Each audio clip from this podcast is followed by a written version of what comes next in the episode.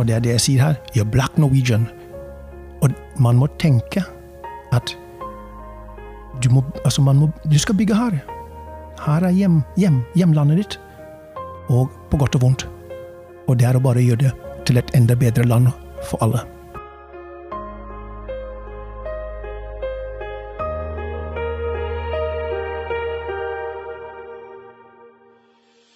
Du lytter til Likestillingspodden, som er Likestillingssenteret kun sin podkast.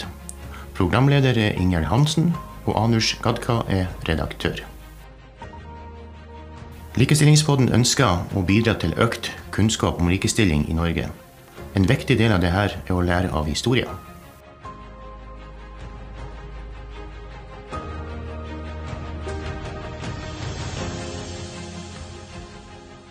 Denne episoden av Likestillingspodden handler om borgerrettighetskampen, eller kampen mot rasisme i Norge. Det er vanskelig å definere et starttidspunkt for kampen, men en av de som har vært med i svært mange år, er nåværende daglig leder i OMOD, Akenaton Almadi Oddvar de Leon, eller Aki som han ofte kalles. Aki ble født i England av en karibisk kalypsosanger og en mor fra Trøgstad. Og han hadde oppveksten sin delvis i England og delvis på Trinidad. Men en dag i 1979 ankommer en 20 år gammel mann med stor afro Norge for å starte jobb og studie. Likestillingspodden møtte Aki på hans kontor til en samtale om disse første årene, og hvorfor han tidlig starta et arbeid for minoriteters rettigheter i Norge. Noe av svaret ligger nok i det Norge han møtte i 1979. All innvandring til Norge skulle være et midlertidig fenomen. At vi skulle dra hjem snart. For så Det var tre standardspørsmål man fikk fra nordmenn på 70-tallet. Det var 'hei, hva heter du', 'hvor kommer du fra', og 'nå skal du hjem'. Og, og, da må man være forsiktig med for F.eks. meg selv. Det er jo vanskelig å Hvor kommer du fra? Jeg er fra England. Altså, ja, men England, er du fra England? Men hvor er faren din fra? Eller hvor er moren din fra? Da? Ja, men hun er fra Trøgstad. Nei, men, men faren din han er fra Karibia. Å ja! ja, ja du, du, er fra Karibia, du! Så, så, dette her går på persepsjon. Men eh, så Norge Det tok tid for at eh, og det fortsatt er det en del som tror at uh, man skal hjem. Men sorry about that. Men um, det som er, er at uh, det tok tid for at folk forsto at dette var en, en globalisering. Um, som, som, fant sted. Dette var ikke bare Norge. Uh, dette har, har, skjedd faktisk over mange steder. mange steder over, Altså USA. Det har skjedd over hele kloden med globalisering, men det kom litt sånn sent til Skandinavia. Og um, uh, og det er det vi ser resultatet av i dag. Eh, noen liker det, andre ikke liker det. Noen er likegyldige, men eh, det er bare en realitet. Så, så ja, du kom til Norge, og, og uh, folk så på deg litt nysgjerrig. Noen var nysgjerrig, andre ikke sant, syntes at dette var spennende. Det var forskjellige holdninger til deg. Men det som var felles for mange av oss som hadde et eller annet sånt bakgrunn fra sør, og til og med vil jeg tro østeuropeere også, det er at vi ble diskriminert på bakgrunn av hudfarge, religion osv. Og, og, og eh, dette har gjaldt spesielt arbeid, bolig, ikke sant? og i utestedsliv, utestedsbransjen. De tre områdene der var meget utbredt. Um, og for å si det slik, for de som er fra nord, nordlendingene, dere kjenner godt til dette her, så det er ikke noe vanskelig å sette dere inn. Jeg, jeg vanligvis sier at nordlendingene bør være evig takknemlige til oss utlendinger, fordi dere har jo gått opp på den sosiale rangstigen. Uten oss utlendinger så ville dere ha, dere ville ha vært mål, målet for Frp at når dere kommer sørover, så ville dere ha fått høre fra Frp at ja, men det er, for mange som kommer sørfra og de er så brautende og bråkete osv. Så, videre, eh, og så, videre. så det er bare den der eh, litt sånn oppsummert. Kanskje du sensurerer den her, men det går fint, det. Nei, denne tror jeg vi skal ta med, for det var jo faktisk sånn i Oslo på 70-tallet at det var uh, tonnevis med annonse uh, 'Hybel til leie, nordlendinger ønskes ikke'. Ja, så, de forsvant, så, mener du? Så, så, det forsvant da vi kom. Da var det utlendinger. Så, det, det, er derfor det er veldig lett å forstå at dette bare ble, bare ble overført. Ikke sant? Og, um, og, slik slik er det et helt vanlig um, migrasjonsmønster, på en måte. Så, så, og det er, det, er det, som er, det er, det som skaper en slags sosial mobilitet. ikke sant? Det kommer en ny gruppe, og så get in line, the last in line, osv. Men det som var, var at um, myndighetene og andre uh, i samfunnet stort sett var ikke klar over at diskriminering var så utbredt. Og det er, det er storsamfunnet som på en måte definerer deg, og du definerer ikke deg selv. Så det er ikke før 80-tallet, når man på en måte begynner å få litt sånn krysskommunikasjon mellom eh, immigrant, immigrantene, og at man begynner å organisere seg litt. Og ikke minst at man har kommet forbi, også som immigrant, har kommet forbi den mentale, psykologiske barrieren til integrering, og det er 'jeg skal snart hjem'. så ikke bare at nordmenn tror at ønsker at du skal hjem, men du skal også mentalt tro at du skal hjem.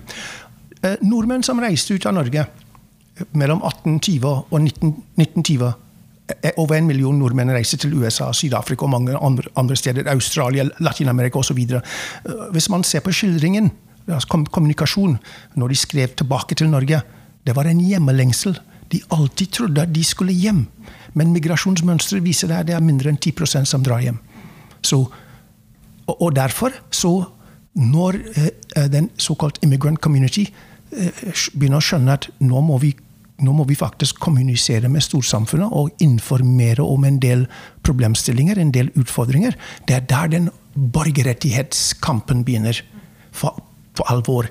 Og det er, det, er, det er, hvordan snakker man til myndighetene? Fordi vi alltid hadde tro på at myndighetene ville reagere hvis de er godt informert, og uh, på en måte at fakta er satt på bordet. Men det kan ta tid.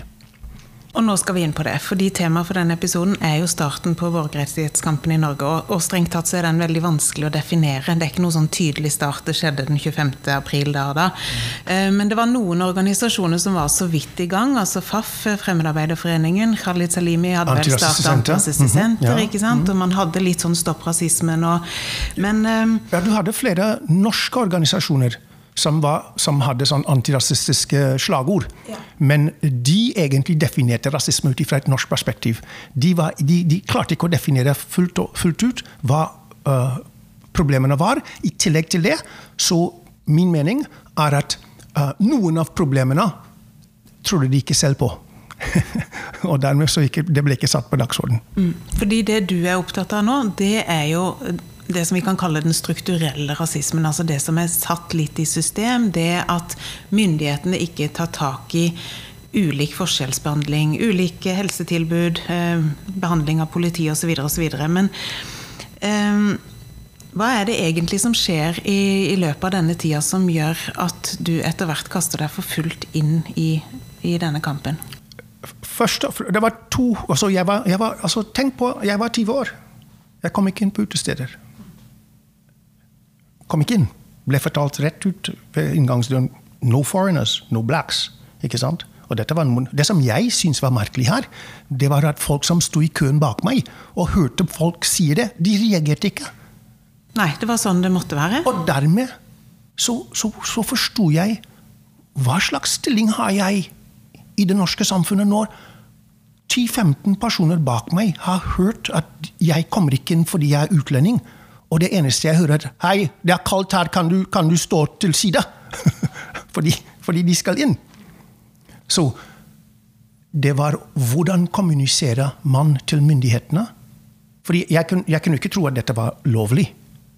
Det trodde jeg aldri på. Det kunne være lovlig, men jeg var altså naiv. og, og, og, folk flest her ville også ha trodd at dette var ikke lovlig. Men det fantes ikke egentlig effektive uh, lovverk mot den slags diskriminering. Det gjaldt også boligdiskriminering og um, arbeidsdiskriminering. Så, så, hvordan kommuniserer man uh, disse problemene? Og hvordan håndterer man i hvert fall også, Hvis man da ser på lovverket du ser at ja, vi har jo to paragrafer som dekker dette, her, og så begynner man å se på Men brukes de? Ikke sant? Er politikompetente nok til å forstå at dette er et reelt problem? er det prioritet av myndighetene, fordi politiet har nok å gjøre. Så dette her er jo veldig kompliserte fenomener. Og jo, vi er unge. Vi vil gjerne bare komme inn på diskotek. vi. Jeg har ikke lyst til å stå og ha noen kamp med politiet når det er egentlig diskotek jeg har lyst til å komme inn på en lørdagskveld. Endelig har du funnet et diskotek i Oslo, for det var ikke så mange av de engang. Og så kom ja, du men da kan du tenke deg at hvis du kommer ikke inn på tre ut av fire steder Altså, Vi hadde et sted som heter The Jungle. Folk flest vil ikke vite om det, men vi kalte det The Jungle. Den, den ble drevet av en som heter Robert fra Nigeria. Det var et sted hvor svarte, afrikanere, altså andre eh, med emigrantbakgrunn, kunne komme inn. No problem.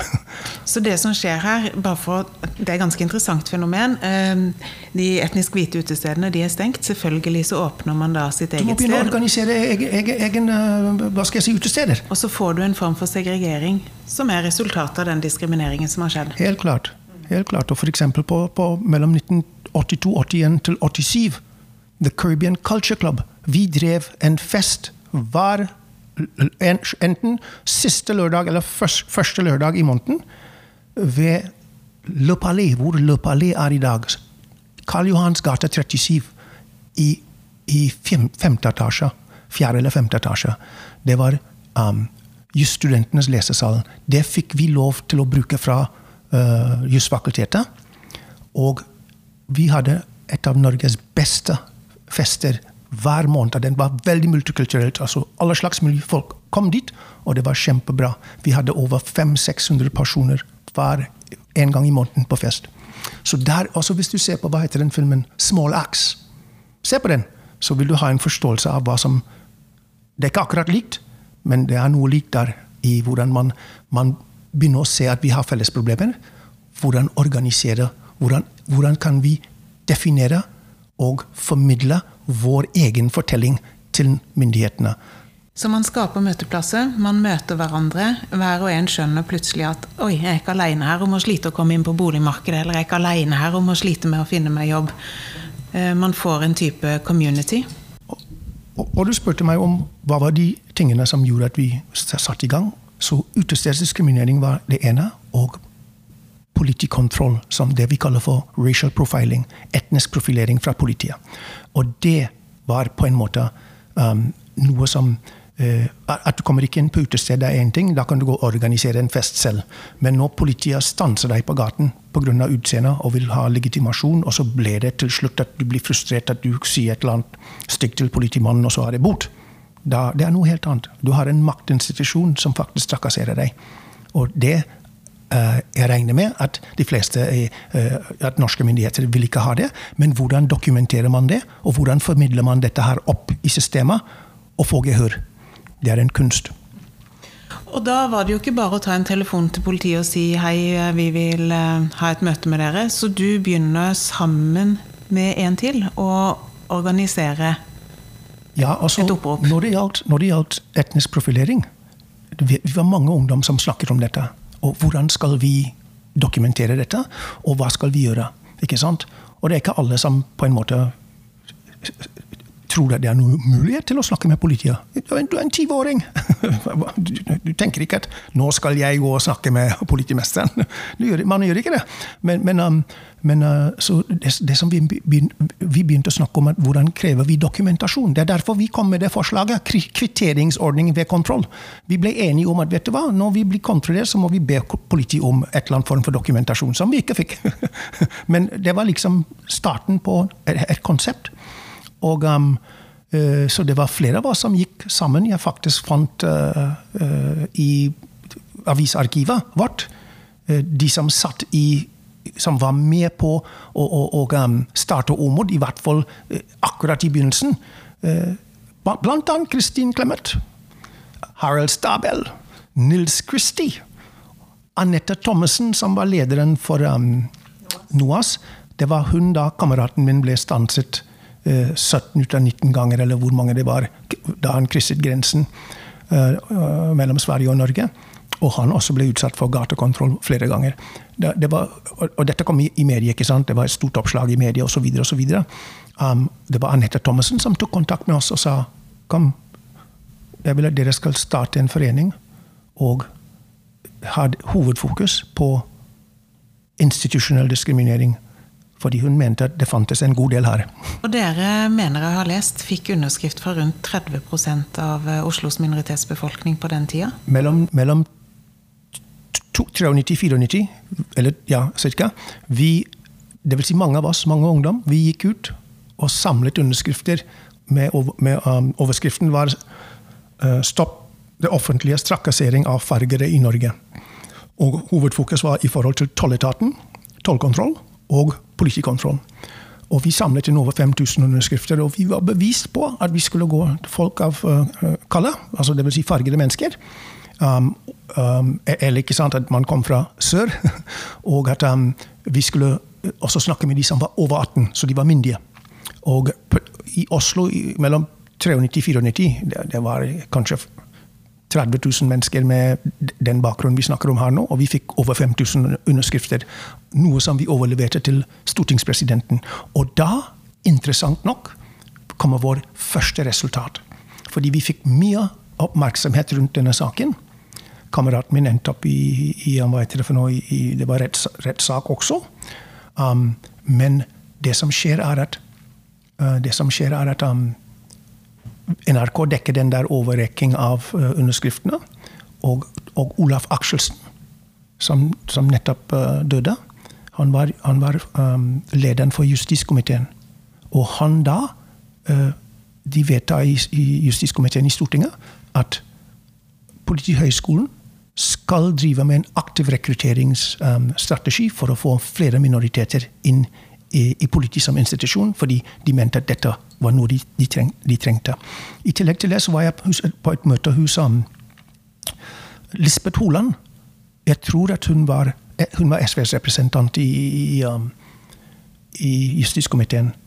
Og hun sa til oss at vet, vet dere hvem er den, vet, vet, vet dere hvem er den informasjonskilder til justiskomiteen når det gjelder minoritetsspørsmål i Norge?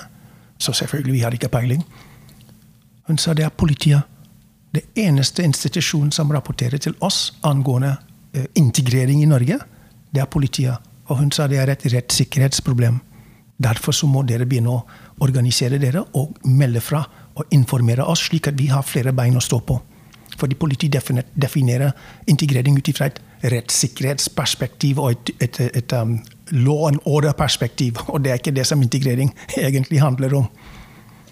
Og OMOD ble etablert. Og i årene etterpå ehm, så har dere bl.a. sammen med Antirasistisk Senter skyggerapportert til eh, CERD på FNs eh, rasekommisjon. Sånn at du har oppfylt det som Lisbeth Holand ønska. Altså, her er det et sivilsamfunn som rapporterer i tillegg til Ja, eh, ja altså vi, vi rapporterte til altså egentlig, Hvis jeg gir de som hører litt sånn strategi altså vi rapporterte til SER fordi da vi rapporterte til Norge, man hørte ikke.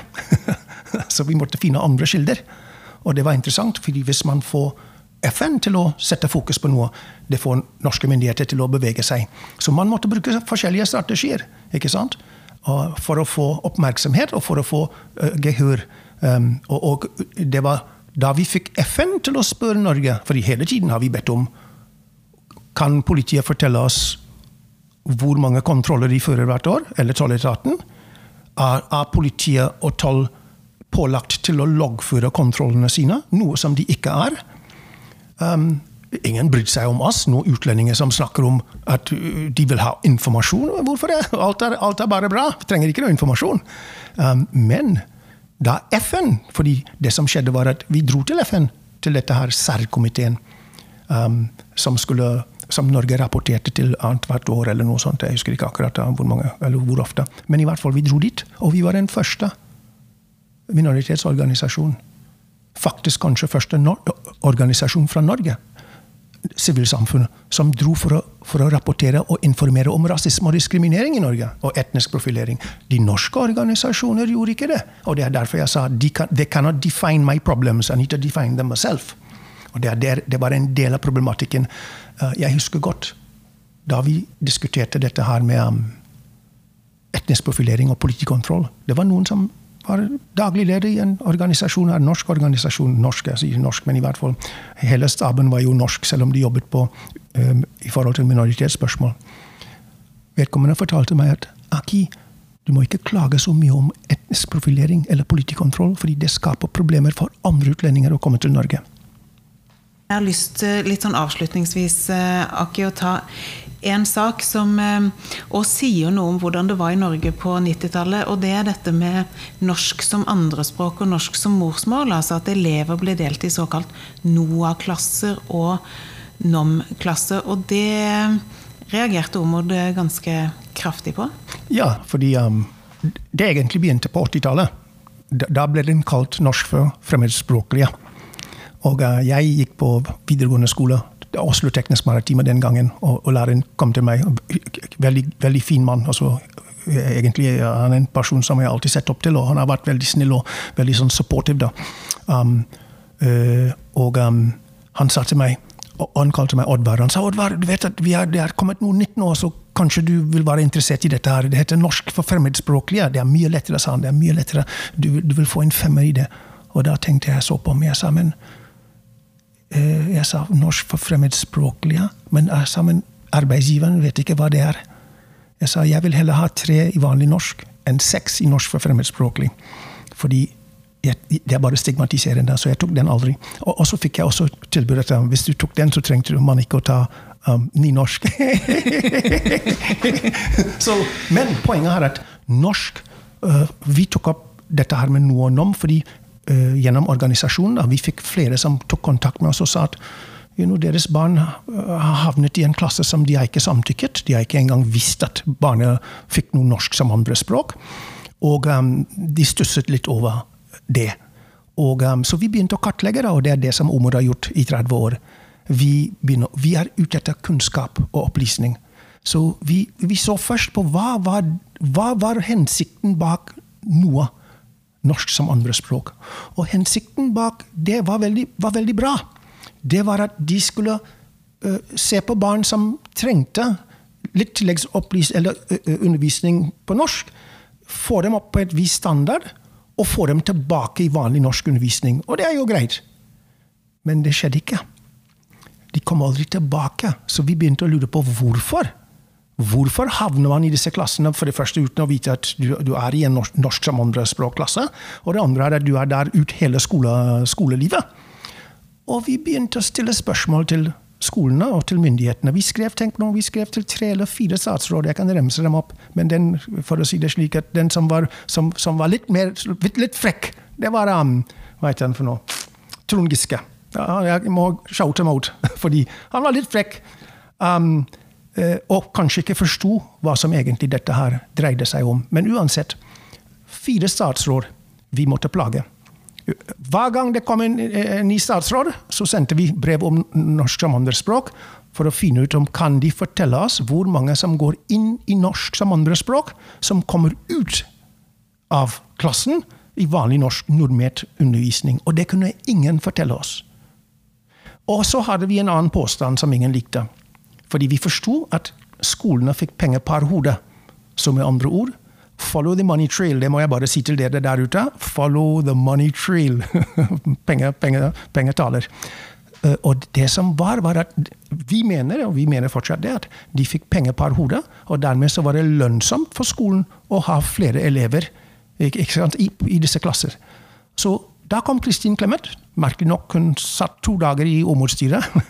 Men um, hun kom og faktisk gjennomførte en uh, undersøkelse og da var, da var, det slutt på norsk som andrespråk. Men nå heter det norsk særskilt, et, særskilt et, eh, norsk undervisning eller noe sånt. Jeg kan si at i dag, problemet i dag er at det er en praktisering som jeg mener er uh, veldig skadelig for samfunnet, og det er segregerte klasser. Det vil du kunne finne i de fleste kommuner. Dette må myndighetene se på. Så når du ser på, eh, tilbake på 40 år, blir det jo nå snart, Aki, med antidiskrimineringsarbeid, borgerrettighetskamp i Norge, så er det, det er jo veldig mye som har skjedd.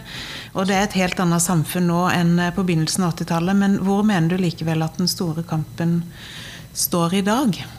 Som, som, som jeg nevnte, dette her, vi er i en ny nasjonsbyggingsfase. Og um, denne, mine barn og andre som har født opp folk her, de må finne sin plass i Fridtjof Nansens land. Eh, de, de, de, de, føler seg norske. De er jo norske. Vi så en var ikke i går i VM som vant, han var norsk-somalisk, vant eh, sølv. Og det er, det er, det jeg mener at uh, vi må tenke lagånd. Um, uh, man må få lov å, å um, vise hva man kan. Um, uh, vi har et veldig godt samfunn som bygges på veldig fine verdier og prinsipper. Et demokratisk samfunn hvor deltakelse er verdsatt. Um, og jeg alltid sier til ungdommene er at dere må delta. Dere må si fra. fordi jeg kan bare si det slik, jeg, selv om uh, det ikke har vært noe lett uh, oppgave. Men hvis man banker på døren lenge nok De kan ikke åpne helt vid, men du kan, du kan få komme inn lite grann. Men så lenge du får den på gløtt, så kan man begynne å, å kommunisere, og, og, og, ting skjer. Så jeg, jeg har store Uh, hva skal Jeg si, jeg har et positivt uh, outlook i forhold til fremtiden. Men selvfølgelig kan man ha tilbakeslag, og, og, det er mange ting som skjer. Vi ser det med covid, og vi ser det med økonomien og verdensøkonomi, krig i, i, i Europa. Så, så, det er flere ting som kan, kan skje. Men, men, vi har et veldig godt utgangspunkt i Norge uh, i, i, forhold til å lykkes. Men vi må se på Norge. altså, Norge må begynne å tenke slik at det er et vi er, at, at, vi, er, vi er en del av laget. Og når man ser at vi også eh, bidrar positivt, fordi det er noe som media har veldig, de er veldig flinke til å ha et negativt positivt nokså nok så ofte. Um, og, og det, kanskje det dominerer. Men når vi ser at faktisk det, det, det, multikulturelle Norge lykkes, eh, og at det, er, det, er, mye positivt ved det, og, og, synliggjør det, jeg tror at det bidrar til å um, i forhold til at vi forstår at uh, that this is flagship Norway. Og da kan jeg si at hvis man ser på Star Trek, for de som ikke vet om Star Trek, det den serien, da. Nå er det Star Trek the Movie. ikke sant? Men da den kom ut på slutten av 60-tallet, 68, så var egentlig Star Trek om mangfold. Bare tenk på hvem er der på, på, på, på Starskipet. Eh, og mangfoldet der. En som har homofil bakgrunn. En, en som Skottland. Ikke sant? Um, Commander Uhuru. Black female communication officer. Det var uhørt i USA på den tiden. Helt til slutt, du pleier ofte å sitere Linton eh, Det har jeg tenkt å gjøre òg. Så jeg syns du skal gjøre det avslutningsvis, med din egen omskriving. Ja, altså For dere som ikke vet hvem Linton Queasy Johnson uh, er, han er jo en dubpoet. Uh, British, Jamaican, Jamaican British. Og han, akkurat som Steel Pulse, som kom ut midten av 70-tallet, han kom ut også samtidig på, på, på 70-tallet og var veldig såkalt radikalt. Og han dekket Bradford riots, Brixton riots osv. Men han også var en, han utfordret Margaret, Margaret Thatcher, da, fordi han mente at hun hadde en del rasistiske holdninger. But anyway, han har en sang som heter Come with me, we are here to stay. In our England, in our Norway. Og det er jo en virkelighet. Og det er han som sa til ungdommen på den tiden Du er ikke fra Jamaica. Ja, du har foreldre som kommer derfra, but you're British, and you're black British. Og det er det jeg sier her. You're black Norwegian. Og man må tenke at du, må, altså må, du skal bygge her. Her er hjem, hjem, hjemlandet ditt. Og på godt og vondt. Og det er å bare gjøre det til et enda bedre land for alle. På vegne av oss alle som har fått lov til å leve i et rausere Norge fordi du har orka å stå i kampen, Aki. Stor takk, og takk for at du kom. Takk skal du ha.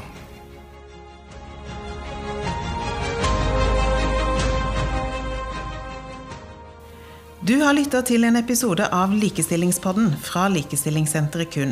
Hør også gjerne flere av våre episoder, og vi blir glad om du vil abonnere på podkasten. Den er gratis, og du finner den på Spotify, Google Podcast, Apple Podcast, Radio Public eller på hjemmesiden vår kun.no likestillingspodden.